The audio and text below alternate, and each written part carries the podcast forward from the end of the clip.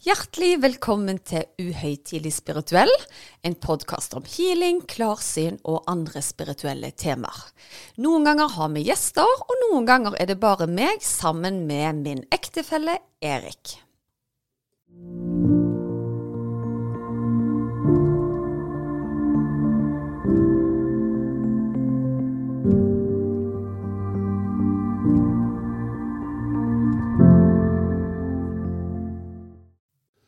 Hei og velkommen til nok en episode av Uhøytidelig spirituell. Jeg gleder meg. Ja, det er fredag. Vi har spist taco som vanlig. Ja, og nå gleder jeg meg bare til å få besøk av Torbjørn og Kaja. Ja, for vi har prøvd eh, noe nytt, holdt jeg på å si, eh, i dag. Vi har jo invitert eh, Torbjørn og Kaja, som har vært her på podden før og fortalt om human design. Ja, og i dag bestemt, eller det vi har bestemt oss for, da, er å ta en felles eh, sending. Både på deres podkast og på vår podkast. Så de blir på en måte de som leder episoden litt i dag. Og meg og deg skal lene oss tilbake og egentlig bli fortalt hvordan våre kart matcher hverandre.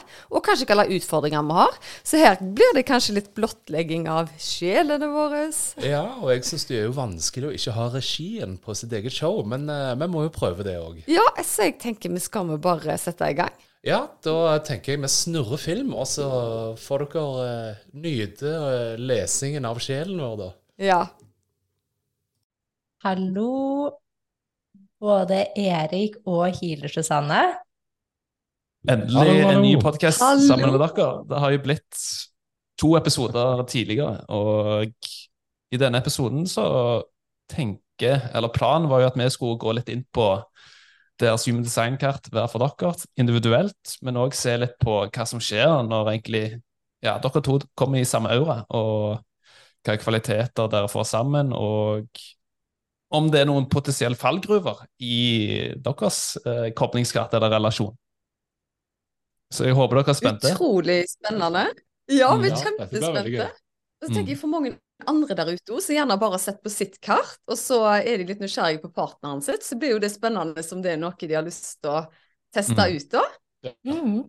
Mm. Ja, det er jo ofte det vi ser at Ofte er det jo kvinnen som får eh, øynene opp for gymdesign, design, og så prøver de å overbevise mannen om at ja, men se på dette, jeg vil teste ut jeg vil sjekke ditt eget design osv. Så, videre, så er det litt, litt motstand fra mannen, men eh, jo, når tiden går, så ser man jo òg at det er flere og flere menn som virkelig syns det er interessant og ser verdien og nytten av å f.eks. For forstå sitt eget design og forstå hvordan sin egen energi fungerer. Så jeg tenker egentlig det er litt naturlig kanskje å starte med deg, Susanne. Eh, Ja. Med tanke på at Jeg føler jo at du gjør veldig mye av det du kom her for å gjøre.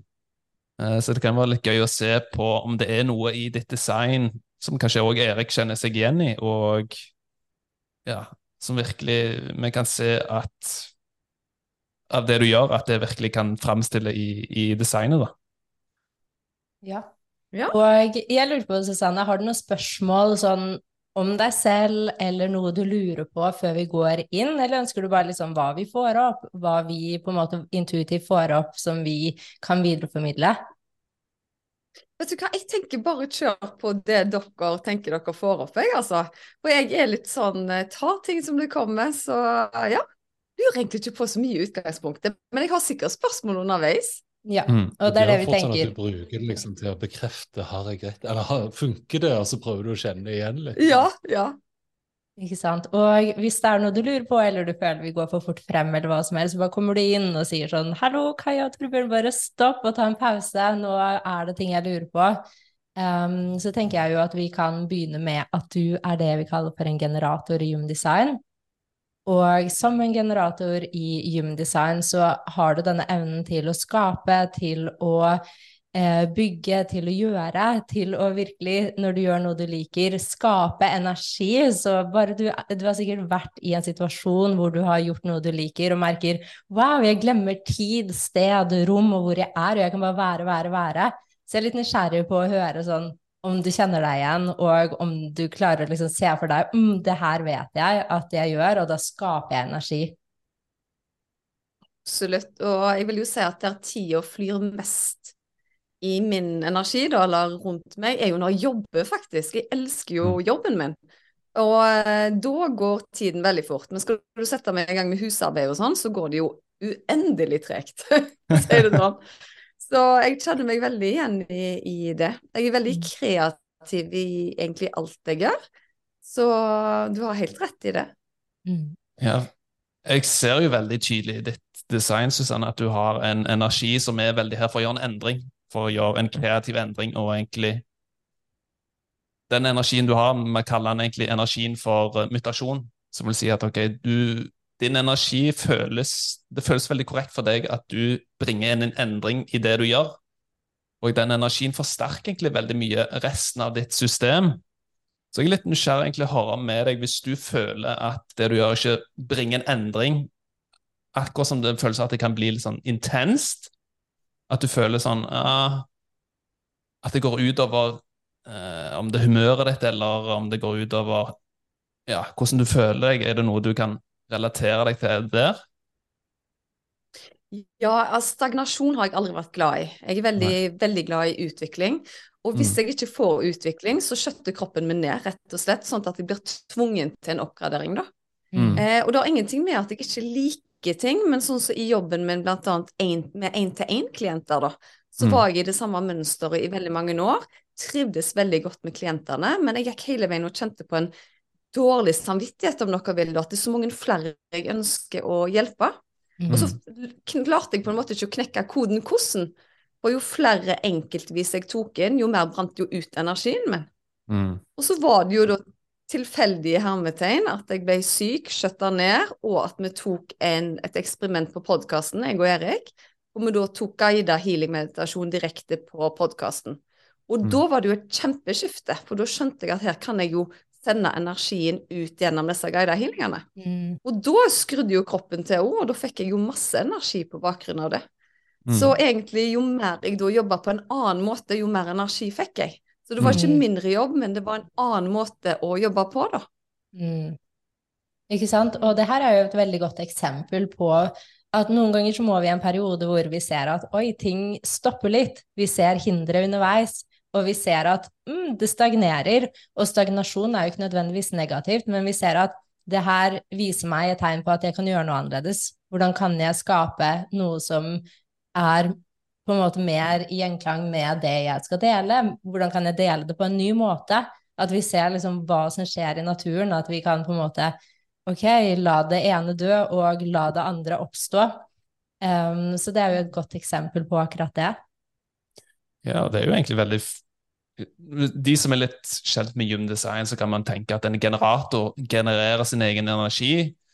Og både du, Erik, og Susanne har egentlig veldig mye av den samme energien når dere egentlig gjør noe dere er glad i det, liksom føler entusiasme og glede. Så nesten kanskje som det bobler litt over av og til. At dere liksom Ja, dette vil jeg føle mer av, dette vil jeg gjøre mer av. Men så er det jo slik Og ikke sant, man må jo begrense, eller ikke begrense, men beskytte sin energi og mm. beskytte hvor man faktisk forplikter energien sin, slik at ok, mm. man bruker den på en bærekraftig måte. Og jeg syns det er veldig gøy når du sier at når du gjør en endring med de guida healingene, f.eks., at dere eksperimenterte det på podkasten. For jeg ser jo at veldig mye av Erik sine kvaliteter som han bringer inn i deres relasjon, er jo at Erik har en veldig sånn intuitiv evne til å se hva som kan bringe suksess framover. Hva som skal til for å liksom ta dette til en ny retning. Så jeg ser veldig mye i deres relasjon er jo ofte at du, Susanne, er, har disse kreative evnene som kommer, og du får ofte mye tilsendt til deg. Men så er egentlig sånn energien, så vil nesten Erik bringe det ut til live i tillegg. Slik at, at dere utspiller hverandre egentlig veldig eh, fint på den måten. For dere har veldig mye sånn skapelseenergi når dere kommer sammen. Og det er jo litt sånn interessant med tanke på podkasten deres òg som er veldig gøy å høre på. Det er jo litt sånn spennende at eh, for Susanne er jo litt sånn go big or go home. Mens jeg har fått stempelet på å være sånn Nei, nei, eh, gjør de fornuftige steg. Men nå føler jeg nesten du snur på det og sier at jeg er han som Men ja, Det er det overhodet ikke. Altså, Erik er Altså, han skal være så sikker. Altså 100% sikker. Men der tenker jeg jo gjerne oppdragelse kommer litt inn òg, da. Hva mm. på en måte gjerne oppdragelse eh, du har. Ikke nødvendigvis på hva person du er. Eh, for jeg tror gjerne hadde din person vært oppdratt i mitt hjem, så hadde kanskje du vært en helt annen eh, sjel. Da. For du er egentlig en fri sjel eh, satt i bur, vil jeg si. Og det er vi vel jeg, alle på en eller annen måte. Mm. I hvert fall ja, ja, ja, ja. Men jeg tenker i forhold til podkasten, så har, har, du jo helt rett med at jeg gjerne vil løfte den til, til litt andre høyder, og, og du eh, komfortable. Ja. ja, ja, så dere treffer det, altså. Absolutt. Ja, men så ser jeg også altså, um, Susanne har jo um, den ene kanalen av um, driven av suksess. Uh, så du har jo en veldig driv i deg til å bli suksess, uh, suksessfull og til å klare ting og til å hedre ting og til å utvikle ting. Um, så jeg ser jo at du har en ekstrem drive i deg, Susanne. Uh, så det er jo den også du kjenner sikkert. At det er sånn mm, Du vil ikke gi deg før du får til ting. Du vet at du er her for å bli suksessfull. Og igjen, hva er det vi legger i ordet suksessfull? Altså, suksess er noe av det beste vi kan oppnå, for det betyr at vi kan bringe en endring inn i verden. Uh, så jeg ser jo sånn, du er genuint så opptatt av andre mennesker og har disse evnene i deg. Så den kombinasjonen med at wow, du bryr deg så mye, du har dette hjertet til å kunne liksom bry deg om og ville hjelpe andre mennesker, men også på en effektiv måte hvor du ser at du kan bli suksessfull av å kunne hjelpe, men at det er ikke noen som taper på det. Um, så den ser jeg at det er veldig sterk i deg. Mm. Der tror jeg du er spot on, altså, fordi eh, jeg har vel alltid, siden jeg var liten, hatt veldig store ambisjoner, da. Mm. Eh, først i helt andre retninger enn der jeg er nå. Eh, og det å prestere går alltid mersmak. Men så kom du til et punkt at ok, hvem er det egentlig jeg presterer for? Mm. Eh, så når jeg da fant ut at her er det en kraft jeg kan bruke til å hjelpe mennesker, så var det jo enda kjekkere og enda mer givende. Og det mm. ga jo virkelig en medvind altså, til oss å fortsette i det sporet. Ja, hvor gaven, mm, gaven av ambisjon kan jo fordi jeg ser jo også at du har et åpent egosenter i Human Design. Det vil si at eh, du er her for å huske din verdi i deg selv, og ikke til å bevise andre sin verdi. Men når man har denne driven og denne ambisiøse kvaliteten i seg tidligere år, så kan man jo bruke den til å jobbe, til å bevise sin verdi. Og så kanskje senere, og så ser du mm, hvem er det egentlig skulle bevise? Hvordan er det jeg kan komme tilbake til meg selv og se at wow, jeg er verdifull i det jeg har, jeg trenger ikke å bevise noe i den ytre verden, og av å være og dele den jeg er, så hjelper jeg andre mennesker med mine eh, gaver som er unike for meg. Det er jo som du beskriver akkurat den Susanne som var når jeg skulle studere og satt på kontoret til morfar. Og det har jeg vært inne på i podkast nå, at eh, hvem var det egentlig jeg gjorde dette for? Sant? Det var jo mm. gjerne for å bevise noe for meg sjøl eller for andre, da. Men mm. det har jo sluppet helt taket. Nå er det bare go with the flow i mitt eget uh, greie. Altså, nå har jeg ingen behov for det lenger. Og det er veldig gøy, fordi jeg ser jo sånn når du, når du nevner det her, så ser jeg sånn um, at Fordi vi, vi kombinerer Jinkies med Human Design, og noe av det, eller din største oppgave å overkomme handler om å ikke lenger bry deg om hva andre tenker og mener, og liksom komme inn i den friheten der. Og jeg føler jo det med deg, både når jeg snakker med deg, du er veldig uhøytidelig og tar ikke deg selv sånn superhøytidelig, um, og det er veldig fint å se, og inspirerende for så mange andre. Det var fint å, å, høre, da. For eh, jeg tror hvis vi skal være opptatt av hva andre sier, så bør vi ikke stå fram som healer. I hvert fall, i hvert fall ikke spirituell. Mm -mm. Så ja, jeg, men det er en øvingssak, det òg, altså. Mm. Og så tror jeg det at jo mer, mer, referanser du får på at du har forandra folk i positiv retning, jo lettere er det jo selvfølgelig. Mm. Hadde det kun vært meg og troen på egne krefter, og ingen andre kunne på en måte Eh, gå god for at eh, det du gjorde, bidro til noe positivt, så hadde det kanskje ikke vært så enkelt. Mm -mm. Så det er jo en sånn dynamikk mellom mottaker og giver her, selvsagt. Mm. Det er det jo. Mm.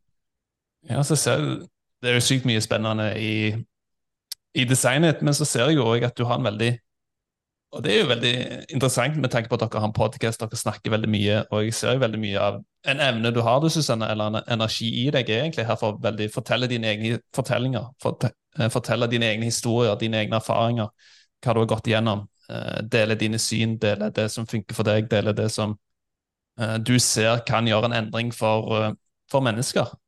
Og du har virkelig sånn evne til å dra mennesker inn i din historie, inn i din fortelling, som gjør at okay, mennesker vil bli tiltrukket av, av, din energi og det du kommuniserer. Jeg var litt nysgjerrig om, om det er noe du er bevisst på, eller om noe du har lagt merke til, eller om noe Erik har lagt merke til. ja, altså, jeg kan jo ha kjent folk i ti år. Og første gang Susanne møter de, så kan de være mye mer åpne mot henne enn de noen gang har vært uh, mot meg, for å si det sånn. Altså, Jeg mm. får jo vite ting på fem minutter som han ikke har visst på ti år, og jeg spør ikke om det engang. Det er bare, Da forteller de at de går på antidepressiva, at mora er innlagt på en eller annen eh, avdeling, at naboen er ferdig Altså, alt som jeg egentlig ikke trenger informasjon om, blir på en måte eh, delt, da. Så jeg tror det, men, men, når det gjelder min egen historie, da, så er det litt interessant. For nå, mm. nå har jeg mer behov for å dele min historie, spesielt etter vi starta podkasten. Og det er kanskje fordi at veldig mange er nysgjerrige på hva er det som gjør at uh, du går ifra å være driftig i forretningslivet til å jobbe som healer, og hvorfor brenner du sånn for tema spiritualitet, da? Og det jeg vil mm. fram til, at eh, neste uke nå så slipper jeg en e-bok som heter Mitt spirituelle jeg. Og det går jo akkurat på å formidle den historien om å få kontakt med sin egen eh, spiritualitet. Så det er helt nytt nå, og det har jeg ikke sagt høyt før, at den kommer. Og det er jo litt sånn interessant, for det at eh, podkasten vår starter med at jeg sier Susanne, jeg har alltid sagt at du skal skrive en bok, men nei, det vil du ikke. Men nå kommer endelig boken. Mm. Ja. Du visste det hele tiden? Ja. Hvem var den intuitive? Hvem var den intuitive, altså? Nå er jo egentlig den, eh, den, boken er jo egentlig på bakgrunn av alt jeg har delt i podkasten, altså. Så sånn mm. masse nytt er det nok ikke. Men um, jeg tror det blir spennende å få det samla i, i, en eh, utgave likevel, altså. Mm. mm. Så tenker jeg jo det som er interessant også med deg, da, Susanne, er jo at du er utrolig empatisk og ikke bare klarer å føle andres følelser, men du kan ta på deg andres følelser og forsterke de. Du kan uh, føle Altså, du er en person som kan gå inn på en kafé og bare mm, mm, 'Det her er ikke riktig energi for meg.' Og gå til neste kafé og bare mm, 'Det her merker jeg.' Og ekstremt sensitiv for hvordan mennesker har det, hva slags omgivelser du er rundt. Så jeg er litt nysgjerrig på, på deg og høre sånn Kjenner du deg igjen i det, og bruker du disse kvalitetene i healingen din? Mm. Absolutt. Ingen tvil om det. Så jeg går vel med intuisjonen utenpå, vil jeg si. Altså, folk sier jo at de trenger tid på å kjenne etter, men uh, jeg altså, jeg, jeg, føler det før jeg kommer til den kafeen, jeg. Mm. Fordi mm. altså, det er så sterkt at jeg går ikke til den kafeen. Så veldig mange sier til meg at 'Å, kjenner du på den og den energien når du går inn i huset?' Så tenker jeg nei, sjelden, for da går jeg der ikke. Jeg Hvis jeg får på en måte ja. som forvarsel om at, uh, at der skal ikke du gå, så det er sjelden at jeg er i, i hus eller bygninger med tung energi, med mindre du er invitert på en, et event eller noe sånt. da. Mm. Men uh, ja. ja. Men når det gjelder kafeer, så er jo Susanne sånn at på et eller annet vis, hvis det er to fulle kafeer, så går hun bare inn i den hun har lyst til å være i. Og så akkurat når hun går inn, så bare sånn Å ja, men du kan få mitt bord. Og så er det noen som skal gå. Du mm. har en eller annen evne til å sniffe opp sånne situasjoner, altså. Ja, eller manifestere det, ja. som jeg sier. Mm. Jeg bestiller alltid ledig bord, og det pleier å gå fint, altså. Mm. Ja, det er utrolig interessant. Jeg ser jo sånn Susanne er ekstremt intuitiv, eh, og når du igjen Noen ganger så er vi jo frakoblet vår egen kropp, men som du er, er du veldig koblet til, og du bare vet ting. Og igjen, det er ikke alltid vi klarer å forklare det, det trenger ikke å gi logikk, men du bare, du bare vet ting som at jeg drar ikke dit, jeg drar dit jeg unngår det stedet, jeg mm. går dit. Jeg vet at de menneskene er gode for meg, og unngår de menneskene. Ikke at noen mennesker er dårlige, men bare fordi vi er ikke her for alle. Og de menneskene som er mm. riktige for deg, kjenner du at det er riktig for deg, og de menneskene som ikke er riktige for deg, er riktige for noen andre. Mm. Mm. Og jeg stoler jo veldig på den intuitive delen av meg òg, og jeg er jo noe som heter klartenkt. Så jeg får jo på en måte veiledning og beskjeder i hodet hele veien. Og da er det ikke sånn at jeg hører en stemme 'Susanne, ikke gå inn i den kafeen'. Det er bare sånn intuitivt at 'nei, vet du hva, jeg tror jeg heller gjør noe annet jeg i dag'. Mm. Ja, for jeg er litt nysgjerrig bare ja. for å høre. Ja. Hvordan er det du får den stemmen, eller hvordan er det du hører sånn det klar... Hvordan er det det ser ut når man er klarsyn? Sånn, hva, hvordan ser det ut for deg? Ja, altså en klarsynt vil se gjerne filmer eller videoer i hodet sitt. Det er egentlig det som er definisjonen på klarsynthet. Du har de som har, er klarsynte i forhold til drømmer, blant annet, at de ser veldig mye bilder. Eh, med meg så er det litt sånn at jeg bare vet ting om personer, da. Så idet jeg starta på kontoret mitt som healer, så visste ikke jeg at jeg var klartenkt, men jeg skjønte jo det at idet personen kom inn på kontoret mitt, så kunne jeg fortelle dem hvorfor de kom på forhånd, uten at jeg visste det. Jeg fikk gjerne opp beskjeder i hodet om at du datt fra klatrestativet når du var fem, eh, foreldrene dine skilte seg når du var 14, men det var ingen stemme, det var som om noen hadde gitt meg et manus på forhånd. Og da tror jo med en gang folk at herlighet, hun vet jo alt om hele livet mitt. Og det gjorde jo Erik når jeg møtte han òg, for jeg hadde liksom noen punkter da. Så han tenkte jeg må jo bare komme clean på alt, og de, hun ser jo alt. Ingen skjeletter i skapet. Ingen skjeletter i, i, i, skapet. Han var jo livredd i hermetegn. Men det er jo bare det at guidene mine gir meg nok informasjon til at du skal få tillit til at jeg kan det jeg driver på med, da. Mm. Så det er ikke sånn at jeg får beskjed om alt, men i starten så er det vanskelig å vite om det er dine egne tanker, mm. eller om det er fakta om deg, da. sant? Mm. Hvordan skal jeg vite at dette er innbilning, at det er min fantasi, eller om at det er reelt? Mm. Men av en eller annen merkelig grunn så har jeg alltid bare stolt på at dette er ikke mine tanker. Bare kommer, og da sier jeg det. Hvorfor skal jeg mm. tenke på den personen som datt ned av et klatrestativ når han fem? Det er ikke logisk, så da sier jeg det. Og mm. som regel så er det eh, korrekt. Mm. Interessant. Alltid korrekt. Veldig. ja. Er det veldig Jeg syns dette er veldig interessant å, å, lytte til i tillegg. Og ikke sant, jeg føler jo, som du nevner, det å stole på det. det for jeg klarer jeg, Det som er treningen, tror jeg. Ja, ja, for jeg klarer ikke helt liksom, å se det for meg hvordan du får det til, men det jeg syns det er gøy å lytte til. og liksom, ja, jeg vil, jeg, vil, jeg vil, høre mer jeg vil høre mer hvordan du får det til deg. Ja, og så tror jeg når du snakker, så kanskje det gjør at andre kan begynne å stole på at hm, fordi jeg tror jo at vi alle har tilgang på så mye mer enn det vi tror vi har. Men som du sier, at vi begynner å tvile sånn Veldig mange tviler sånn mm, Er det her sannheten? Er det tankene mine? Eller er det liksom det høyere som snakker? Eh, så det å høre din historie kan jo hjelpe og inspirere til at mm, hvordan kan jeg bli litt mer interessert i hva jeg blir fortalt? Hvordan kan jeg faktisk lytte mer og se at mm, det her gir meg informasjon? Og det jeg syns er veldig interessant, er jo også sånn som regel så får man jo kun den informasjonen den andre kanskje er klar for å høre. Fordi hvis ikke hadde man Absolutt. ikke fått den informasjonen. Mm. mm. Men så er det jo selvfølgelig mekanismer i meg som sier 'hvordan tør du, Susanne'? Her mm. kommer det et menneske inn, altså er du påståelig og sier det og det har skjedd i livet ditt? Jeg husker blant annet at jeg sa til en at uh, det var snakk om pappen hadde dødd, og det hadde vært begravelse for lenge siden, og så sier jeg 'ja, pappen din ble 62 år'. Nei, han ble 63. Mm, nei, han ble faktisk 62. Så tar jeg meg nesten i å Ikke krangle, men jeg syns du skal gå hjem og sjekke deg. Så kommer jo faktisk personen tilbake og sier vet du hva, du har helt rett, han ble 62. Men så tenker jeg hvorfor sitter jeg og diskuterer det? Og da er det jo ikke meg som diskuterer det, det er jo guidene mine som er 100 mm. sikre, og bare durer på. Fantastisk. Ja. For eksempel. Um, ja. ja. Og jeg ser jo sånn, du er jo her til å virkelig være et eksempel på hvordan det ser ut å leve med hensikt. Um, du er her til å påvirke, ha en stor påvirkning på andre mennesker.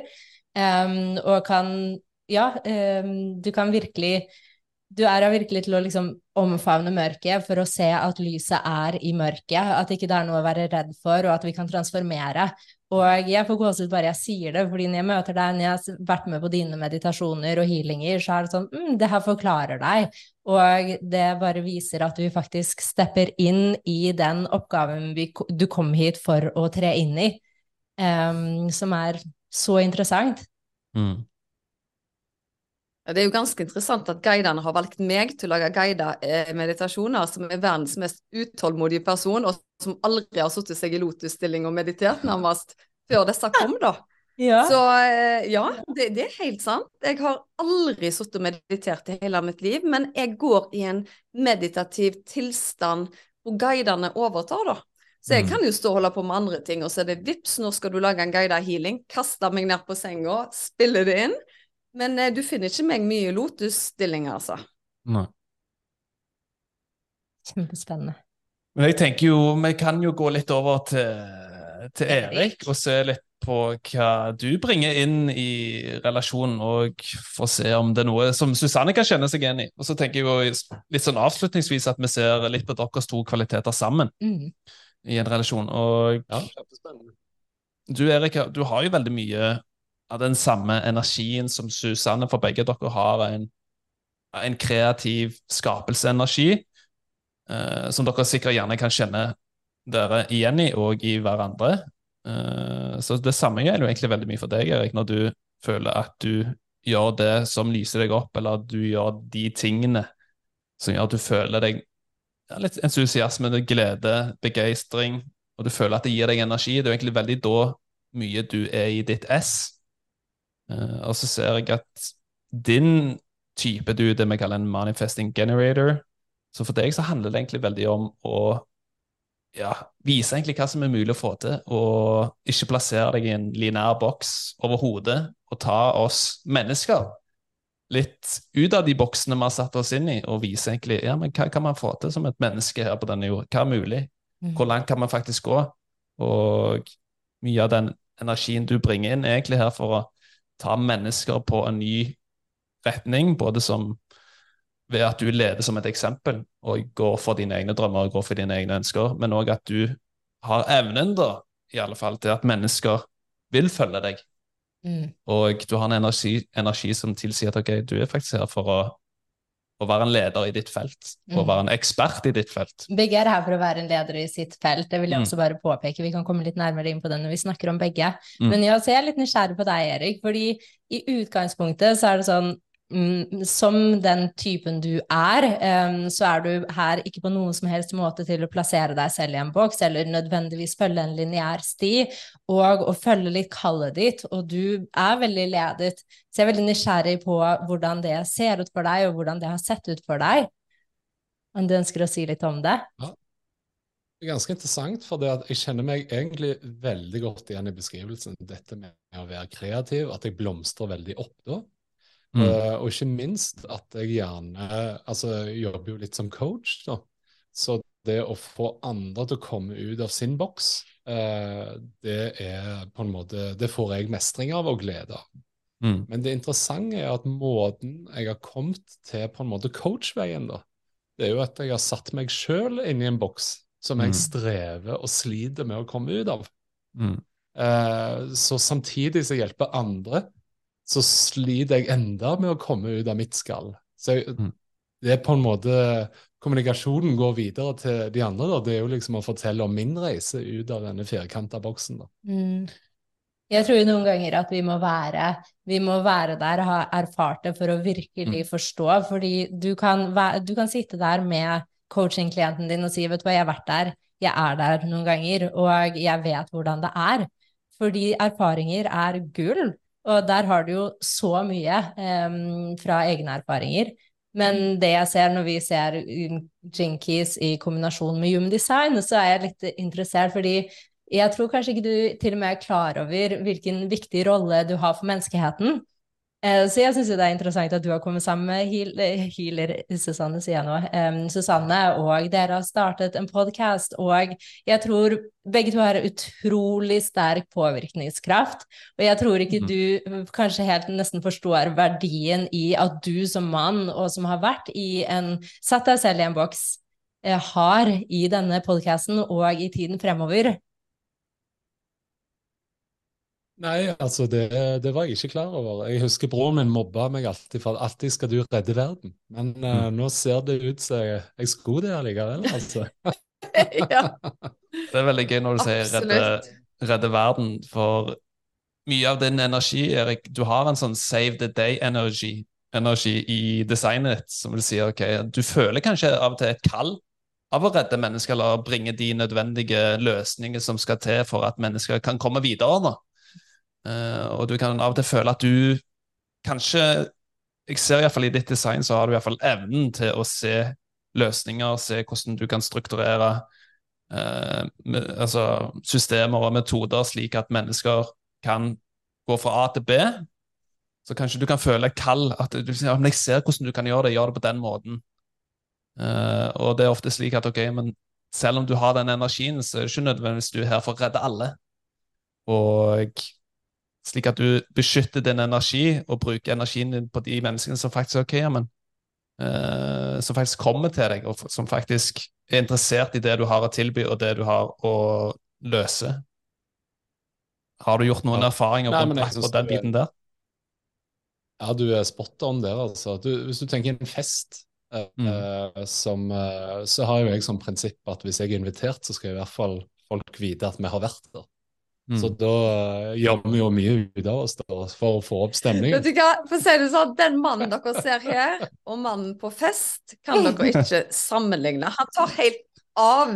Så folk lurer liksom på er det er det samme personen som sitter i podkaststudio eller hjemme i, i, sofaen, liksom. Ja. Han er on fire. Og det har ikke noe med Eller det har kanskje noe med det å gjøre, Men i hvert fall så tar du virkelig på deg rollen som underholder, da. Men jeg ser jo at du storkoser deg med å få opp stemningen. Ja. ja. Og så, så den rolla der Altså den er ganske stor. Ja, men Hvis du òg tenker litt sånn så det å se løsninger, da, så, se, så kan det nok stemme, det òg. Altså, både mm. med venner som spør om råd, eller på jobben når det er snakk om systemer, som du var inne på. At liksom OK, ja, men uh, vi gjør det på den måten, og så, så, ordner det seg. Så det å se liksom Jeg husker det var noen som sa at du er ikke den som finner opp hjulet, men gjerne du er den som finner opp nye måter å bruke hjulet på. Mm. Jeg elsker det.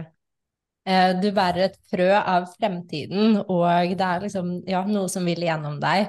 Og så tenker jeg også i forhold til det deg på fest, da, så ser jo jeg du har en kvalitet i deg som gjør at du er en veldig Egentlig er her for å være en kreativ rollemodell på så mange måter. Du er mm. her for å være din unike utgave. Igjen, ikke sette deg selv eller prøve å passe inn eller prøve å passe en slags form, fordi du er her og omtrent kan våkne hver morgen og spørre deg selv hvordan kan jeg være mest mulig Erik i dag? Hvem er Erik i dag? Hvordan skal den uttrykke seg? Fordi du er her til å uttrykke deg, og til å vise oss at en unik vei å uttrykke oss på, selv om ikke den stien har blitt gått før. Um, så det er veldig interessant at du sier kanskje det skjuler seg, skjuler seg noe der som vil mer og mer frem. Ja, nå skal jeg fortelle deg en liten hemmelighet. Måten Erik, ja, måten Erik kommer fram, var at jeg måtte finne opp en person som var Erik Extreme. Mm. Han heter Enrico Suárez. Dette blir bedre og bedre. Og det, ja, men du, du, Da må du fortelle den morsomme historien. Når du, eller morsom, det hørtes det helt feil ut. Erik fikk hjertestans i 2017, og så sitter vi i bilen en liten stund etterpå, og så sa du da at uh, ja, Susanne sa i hvert fall da Merker du noen stor forskjell? Så sa jeg liksom Føler Enrico Suave er vekke. At han hadde mista ham når han fikk dette hjertestanset. Og så tok det gjerne et år og to, og så ser han plutselig meg det går fint, han er tilbake. He's back. Så det var sånn, Ja, når han ringer med dette nummeret som heter syk Nei da. Men det var bare så gøy, for da skjønte jeg at OK, he's back. Han føler seg som seg sjøl igjen etter mm. nedgangen av helsa. Altså. Mm. Men det var jo en slags eh, skal ikke si beskyttelsesmekanisme, men det var en måte å få fram liksom OK, hvis noen syns at det var litt ekstremt, til å være Erik, så var det liksom Ja, men det var jo bare Enrico, så vi skylder på han i dag. Gøy. Ja. Men jeg vil, jeg vil, bare gå litt tilbake til, for du nevnte det med coaching osv. At du følte at det var noe du kunne gjøre. Og jeg føler jo virkelig at man kan jo alltid veilede mennesker, alltid snakke fra der man er. Og jeg følte jo du beskrev det egentlig veldig fint. Ja, men du føler at ok at Hvis du har satt deg sjøl i den boksen, men at du, okay, du er åpen om det, og du kan alltid veilede mennesker fra der man er nå. Og så ser jeg jo veldig mye i ditt design, Erik, er Du har iallfall en evne da, til å virkelig lytte til mennesker og virkelig samle veldig mye informasjon gjennom å være til stede. Og mennesker vil føle seg veldig trygg i din, i din energi, slik at de faktisk føler tillit til deg, slik at de åpner opp til deg.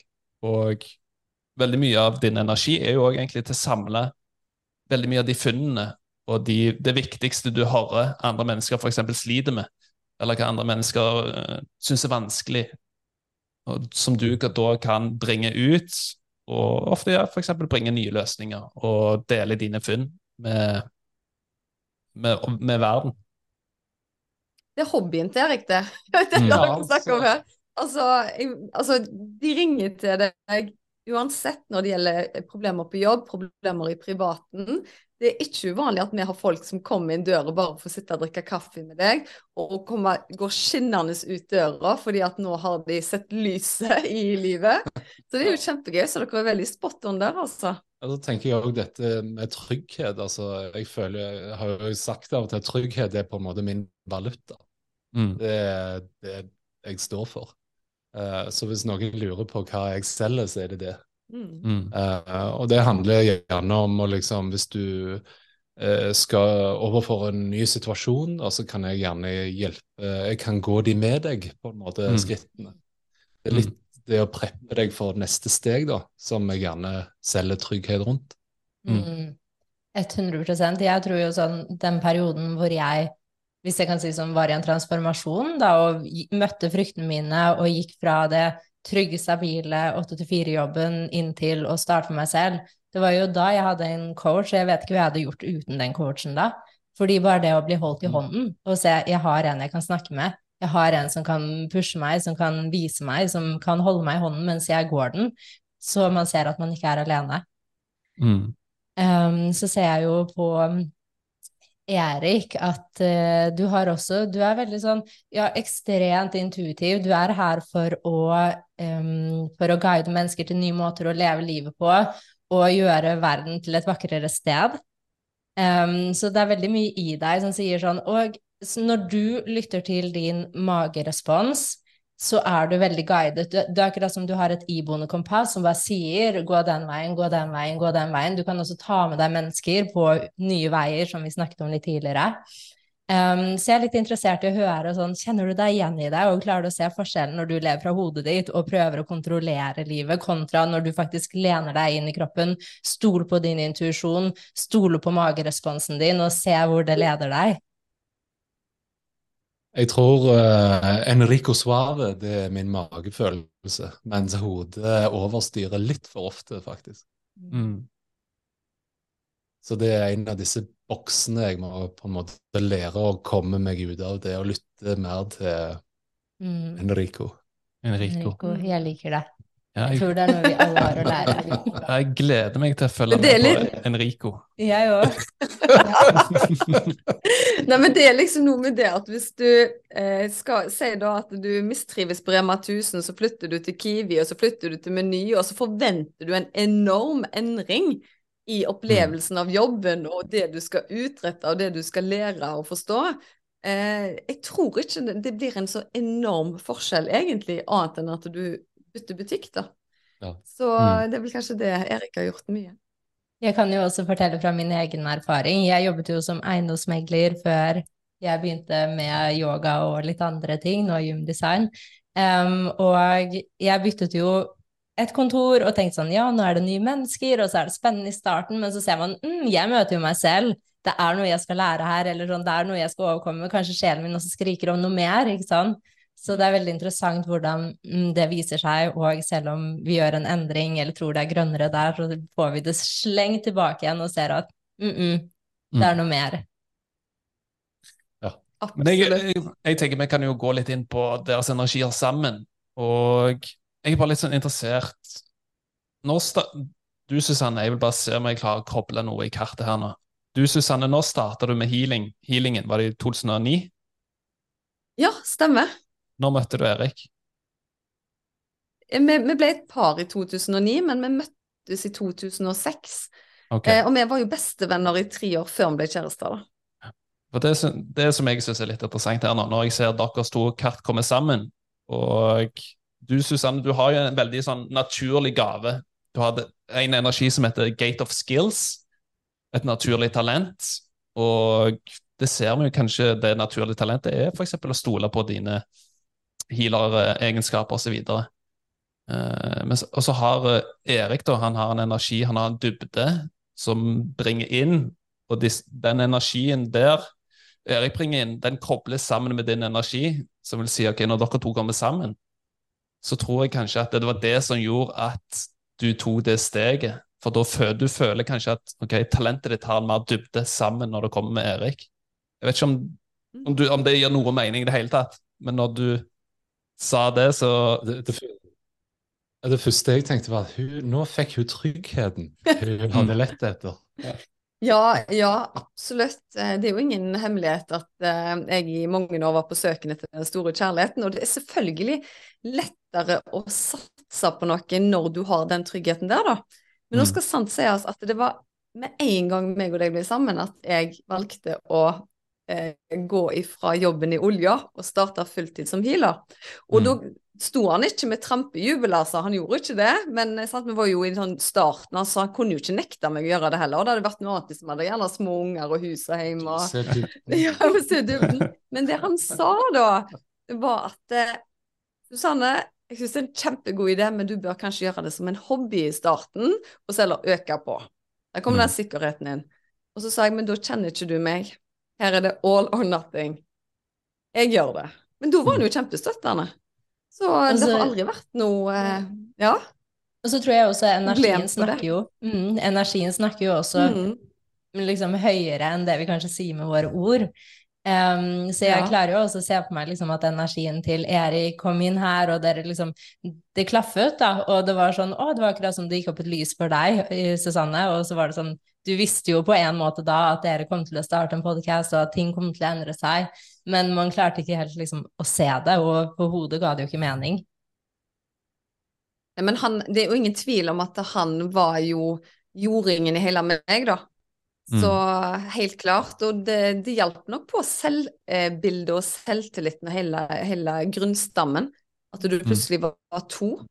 Eh, for det var jo litt av en sånn mediestorm i starten og sånne ting, så jeg var jo veldig glad jeg hadde han å, å lene meg på. Mm. Mm. Så er jeg bare litt sånn nysgjerrig. Jeg tenker sånn Relasjoner er veldig viktig, og jeg ser jo oss begge dere to eh, har en energi som tilsier at ok, deres relasjoner de er viktige for dere, og dere er egentlig her for å egentlig mestre deres relasjoner. Og så ser jeg at når deres energi kommer sammen, så vil jo Akkurat som det kanskje det føles som det klikker litt, at det klikker litt. At det føles ah, ja, men her føler jeg meg godt, her føles jeg at at jeg ikke trenger noe mer. Eller at jeg her føler jeg kanskje at energien min kommuniserer på en måte som gjør at okay, jeg har ikke så behov for så mye eksterne energier. Er det noe dere kan relatere til? Ja, det vil jeg si. Jeg, liksom, hvis jeg skal ta sånn fugleperspektiv på oss, så er det sjelden noe støy rundt oss. Mm. Det, ja, ja, annet enn sånn hjerteting og sånn. Men, men Uten liksom at vi blir for hjertestans og dødsfall og sånt i familien. bortsett fra det. Men mellom oss, ja, så det er veldig rolig. Det er veldig trygt. Um, det har vi egentlig sagt om mye, at vi alltid gleder oss til å komme hjem i den perioden når du var på kontoret og sånne ting. Så jeg alltid gleder meg til å komme hjem. Og hvis jeg er vekkreist ei helg, så gleder jeg meg like mye til å se Erik som jeg gjør til ungene. Og det er nesten sånn som du ikke skal se høyt, fordi venninnene mine snakker aldri om mannen hjemme. De snakker om 'å, ungene jeg savner'. Og så er jeg bare 'å ja, ja, ja, ungene'. Så jeg ikke 'Erik, Erik, Erik'. Altså, jeg gleder meg veldig til å se han nå. Så de er liksom likestilt hos, eh, hos meg, da, men det er litt sånn som du ikke skal se høyt, for du skal liksom savne ungene hakket mer enn mer enn mannen. Men eh, også er vi veldig flinke å være kjærester på tur. Ja, vi, vi har det veldig gøy sammen. Mm. Um, ja. Ja, Ja, vi, jeg syns det ja, oppsummerer det fint. ja, ja, vi har det Ja. veldig kjekt.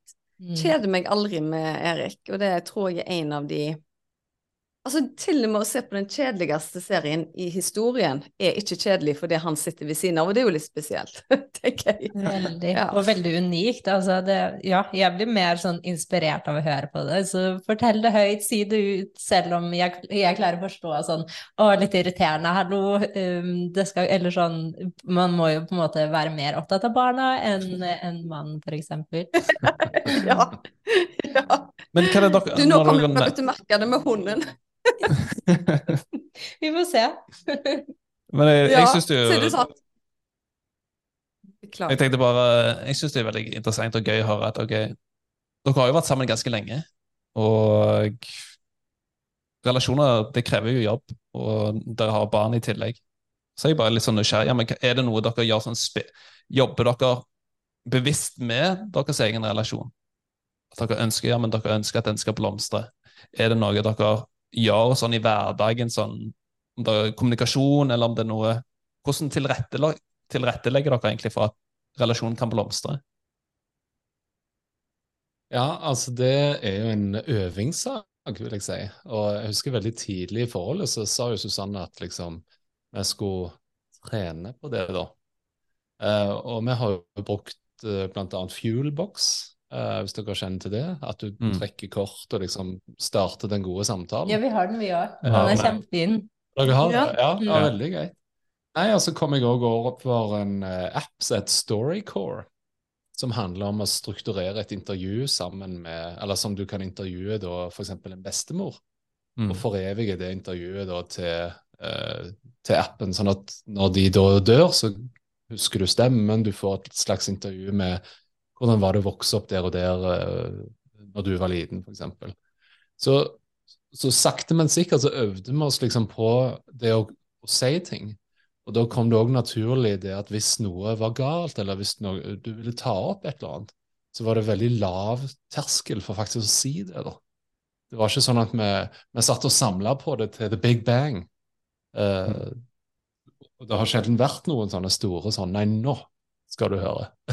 Nei, det har du helt rett Og så, så, tror jeg vi hadde den fordelen. For det første så trodde jo han at jeg var så synsk at jeg visste alt som han tenkte.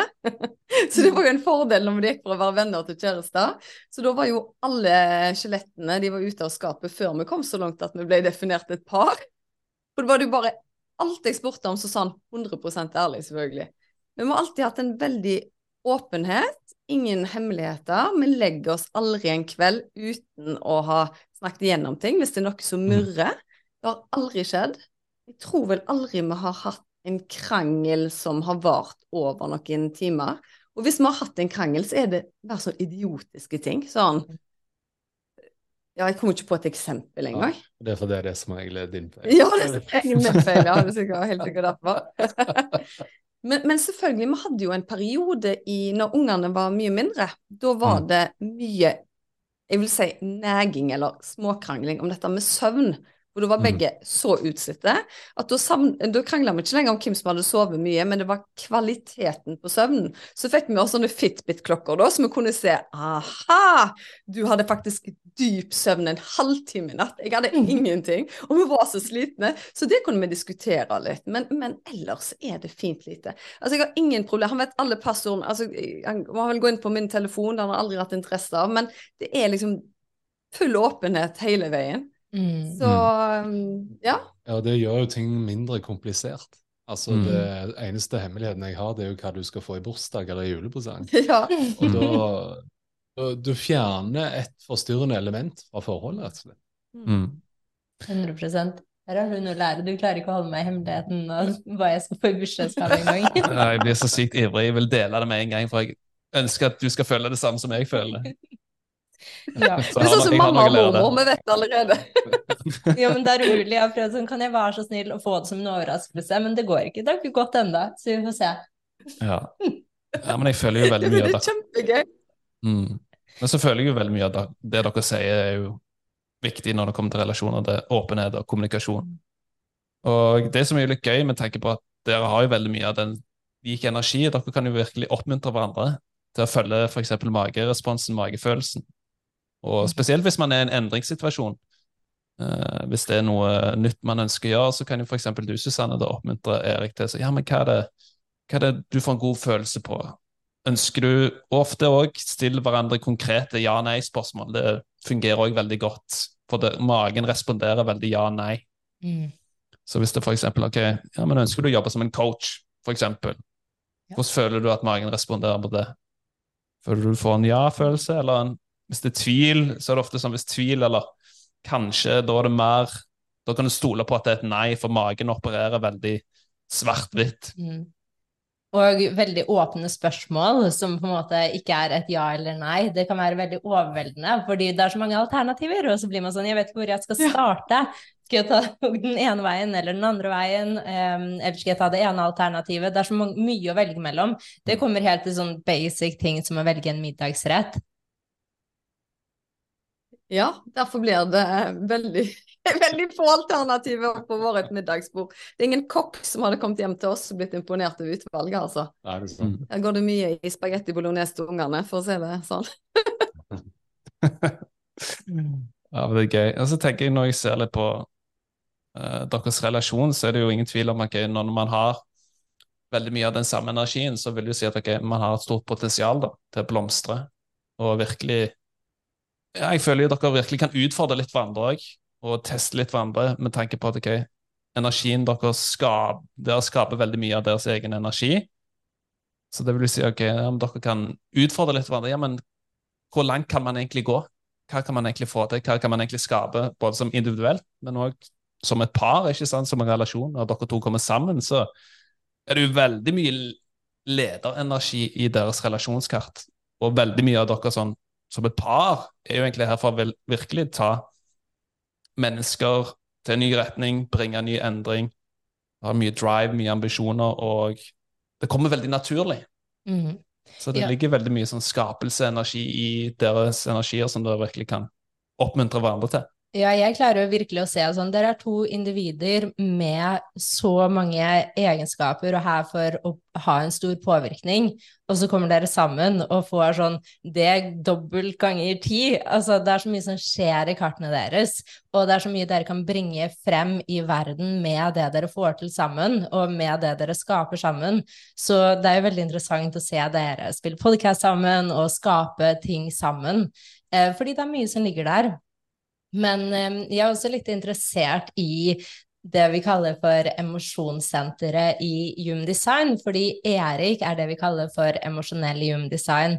Og som emosjonell i Human Design vil det si at du har bølger av em emosjoner, en bakgrunnsfrekvens som du ikke er i kontroll over. Jeg ser Susanne mm, ja, kjenner seg igjen. Um, og det vil si at du kan våkne en dag og være superglad og liksom være så sånn Å, nå skal jeg få til, jeg er så motivert, og jeg bare merker at dette er dagen.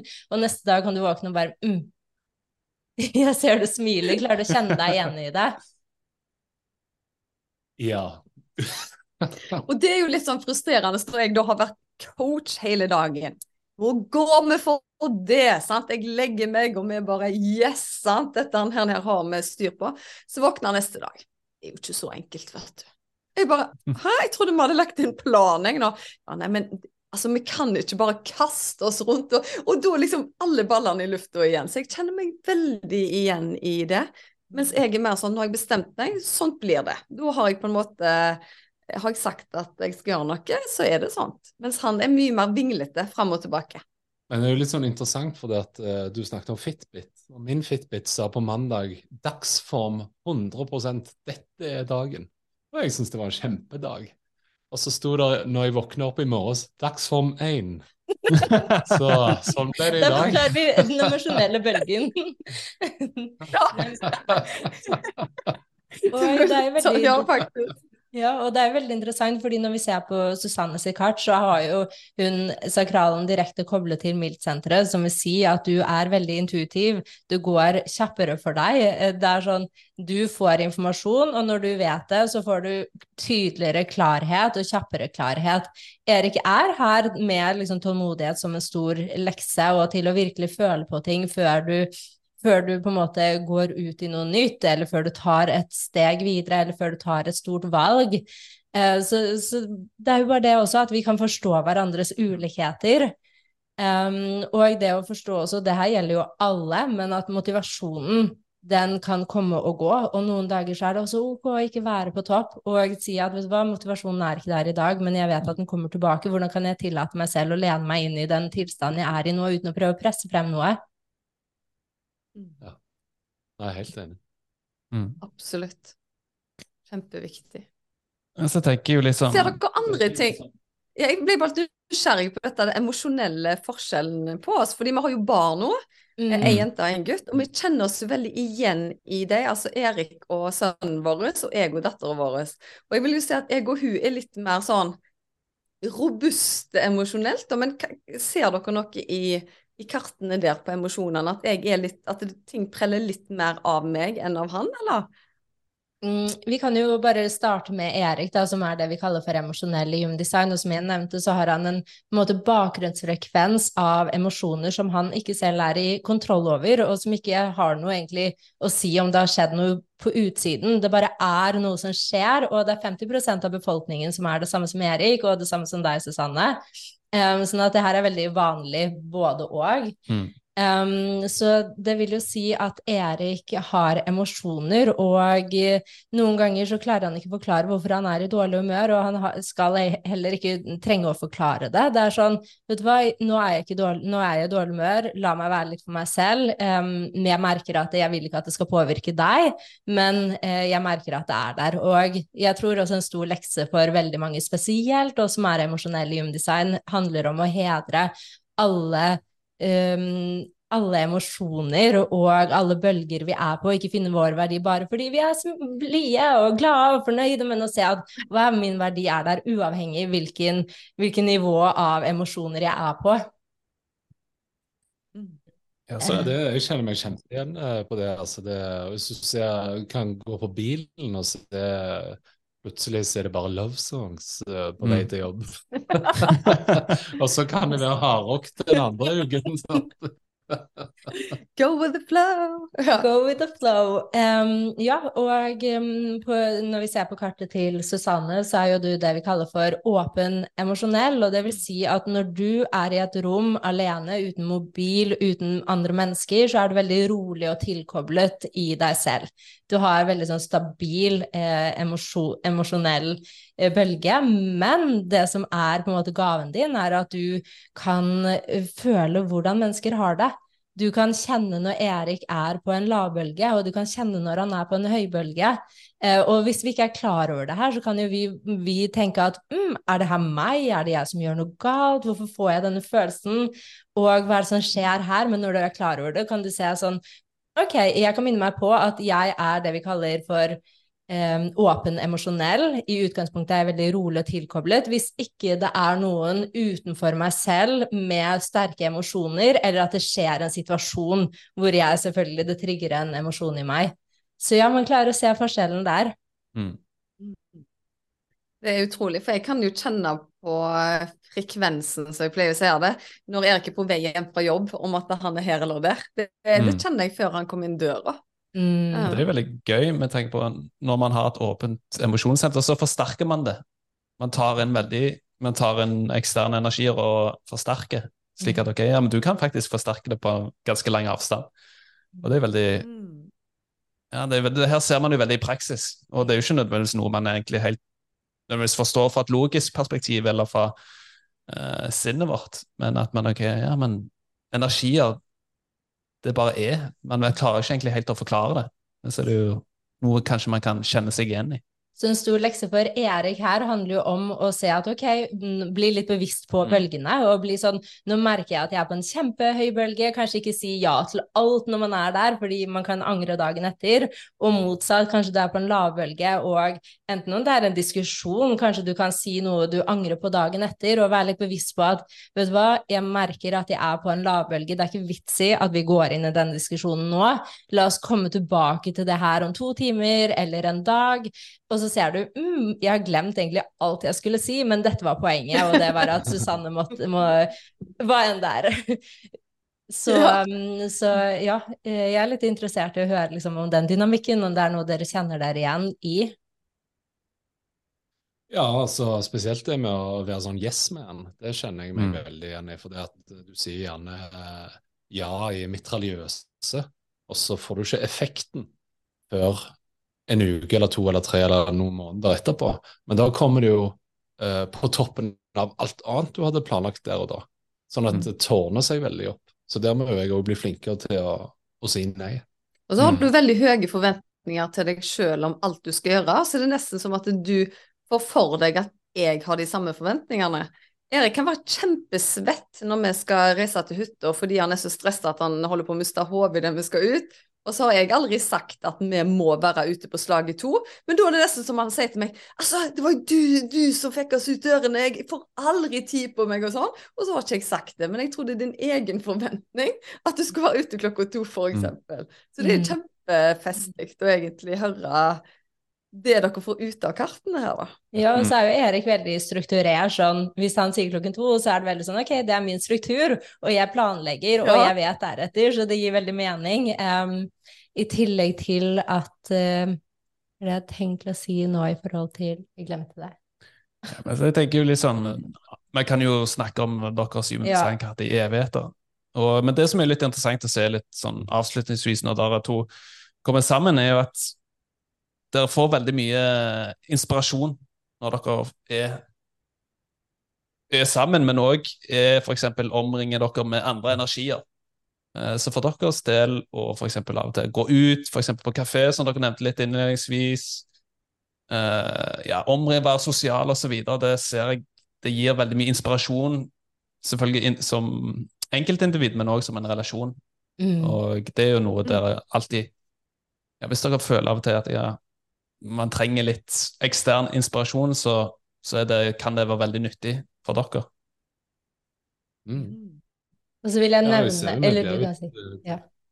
Ja, Vi blir jo dratt mot andre folk som òg er ja òg, Mm. eh, fremfor nei, men, for å si det sånn. Ja. Så vil jeg bare nevne på slutten, Erik, i forhold til det du nevnte, nå kom jeg på det jeg skulle si. Du er jo det vi kaller for en manifesting generator. Du er jo veldig kjapp av natur, um, men så er du jo emosjonell autoritet, som vil si at du skal helst sove på en avgjørelse. Så la oss si at noen kompiser spør deg om å dra på en fotballkamp om, eller kino, eller hva det enn er, da, om en uke. Så er det veldig lett for deg å bare ja, la oss gjøre det, og så kommer det dagen før, og så blir det sånn å, hvorfor sa jeg ja til det her? Og som en generatortype er du her for å liksom bringe energier, hjelpe andre mennesker. Så for deg så handler det om bevissthet rundt å si vet du hva, det høres superspennende ut, jeg må nesten dra hjem og snakke med Susanne og barna mine og komme tilbake til dere. Sånn at du får tid til å liksom føle ut er det noe jeg egentlig vil, eller er det noe jeg bare sier ja til for å si ja til. Ja, du er spot on, altså. For jeg sier oftere ja enn at jeg kjenner etter at det er dette jeg ville. Så, ja. Ja. Nei, men nå har tiden flydd av gårde. Um, det er kjempegøy å se på kartene deres, og vi kunne sittet her i mange timer fordi det er mye spennende individuelt og vel så mye spennende sammen. Uh, og jeg gleder meg til å følge med på fortsettelsen av hva dere kommer til å gjøre og bringe inn i verden. Vi syns det var utrolig kjekt at Ja. dere tok dere tid til å gå gjennom disse kartene for oss. Og det som jeg syns er mest spennende med human design, er jo hvor treffende det er på bakgrunn av fødselsdato og fødetidspunkt, liksom. Det er utrolig imponerende. Ja, det er veldig spennende. Og veldig kjekt å på en måte eh, Altså, du lærer jo om deg sjøl, samtidig så du får en slags ytre bekreftelse på de tingene du gjerne lurer på. Og det vi kjenner, sant. At vi kjenner jo at vi jobber så godt sammen. Og nå sier de Mm. til og med kartene deres Ja, ja. sier dette. Så det er jo kjempegøy. Mm. Ja, så jeg gleder meg egentlig veldig til hva dere kommer til å bringe ut framover, for jeg ser at ja, det er mye potensial i denne relasjonen her, og jeg, jeg føler podkasten er bare en, en start. Det føler jeg òg. Og ja, jeg føler det er mye, mye som kommer til å skje. Så det blir gøy å følge med. Ja. Spennende. Herlig. Ja, dette blir Mm. kjempegøy. Tusen det- takk, både Så jeg tenker egentlig bare å si tusen takk for ja, åpenheten og at dere var villige til å la oss se litt på Human Design-karten deres. setter vi veldig pris på. Og Håper dere selvfølgelig fikk noe ut av det òg, og at dere sitter igjen med litt, litt mer forståelse av hverandre og som en relasjon. Absolutt. Ja, tusen takk for at dere tok dere tid til å psykoanalysere oss. holdt jeg på å si. psykoanalyse. Og det er alltid så utrolig kjekt å snakke med dere. Og syns jeg det er ekstra gøy å snakke med dere fordi dere òg er et par. Mm. Så det skaper en sånn helt spesiell dynamikk, syns jeg. Så igjen, tusen, tusen takk. Tusen takk. Alltid gøy å snakke med dere. Ha det bra! Ha det. det. Ja, da var vi alene igjen. Hva syns du? Altså, dette her er jo ting meg og deg kunne ha sittet og snakket om i en evighet. Eh, og jeg merker jeg ble jo kjempeivrig til å lære mer om human design. Så hvis det er flere som meg og deg der ute, så må de jo bare kaste seg over og bestille en eh, sånn eh, reading med human design og par Ja. hos Torbjørn og Kaja. Ja, jeg er helt enig. Og jeg må jo si at jeg som eh, eh, holdt på å si lekperson. Jeg syns jo det var egentlig kult hvordan de treffer på personlighet og litt sånne ting. Og får liksom bekreftelse på litt ting jeg har gjerne lurt på om meg sjøl, da. Ja, så er vi jo veldig ærlige, så det er jo ikke mye hemmeligheter her til lytterne våre. Så, og dette her var jo, Vi visste ingenting på forhånd, så her var det bare å kaste seg ut. Og så syns jeg de er så skjønne som par, de to. De, jeg elsker åpenheten deres, ærligheten deres, og bare den fantastiske utstrålingen de begge to har. Ja, så det blir jo spennende om jeg blir bura inne nå etter folk vet at jeg har to personligheter. Ja, det blir spennende. Men jeg har jo sikkert ni, for jeg har jo ganske mange guider jeg snakker med. Så da kan de ta oss begge to ja. samtidig. eh, neste uke så blir det ingen podkast. Da er det påske. Ja. Men vi er tilbake uka etterpå. Ja, veldig bra. Da ønsker vi dere riktig god påske, alle sammen. Ha det fint. Ha det. Ha det.